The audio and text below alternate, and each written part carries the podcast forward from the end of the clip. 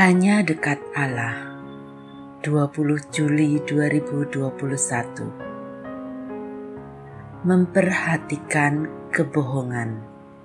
Amsal 29 ayat 11 Kalau pemerintah memperhatikan kebohongan semua pegawainya menjadi fasik Sepintas Amsal ini agak sulit dipahami. Apakah yang dimaksud dengan memperhatikan kebohongan? Dalam Alkitab Bahasa Indonesia masa kini tertera, jika penguasa memperhatikan berita dusta, pegawainya akan menjadi jahat semua. Mungkin maksudnya begini Seorang pemimpin harus bijak jika mendapatkan masukan berkaitan anak buahnya. Dia tidak boleh buru-buru bertindak.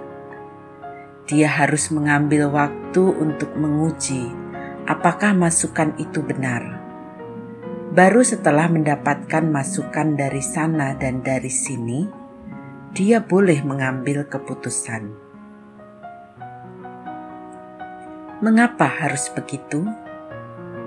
Jika seorang pemimpin mendapatkan masukan yang salah dan tidak mengklarifikasinya, maka dia akan kehilangan pengikut yang baik. Jika itu terjadi berulang-ulang, maka orang-orang yang dipimpinnya akan merasakan ketidakadilan, rasa frustrasi, bisa jadi malah membuat mereka enggan melakukan kebaikan. Akhirnya, semua pengikut malah melakukan kejahatan. Oleh karena itu, menjadi panggilan para pemimpin untuk selalu bersikap.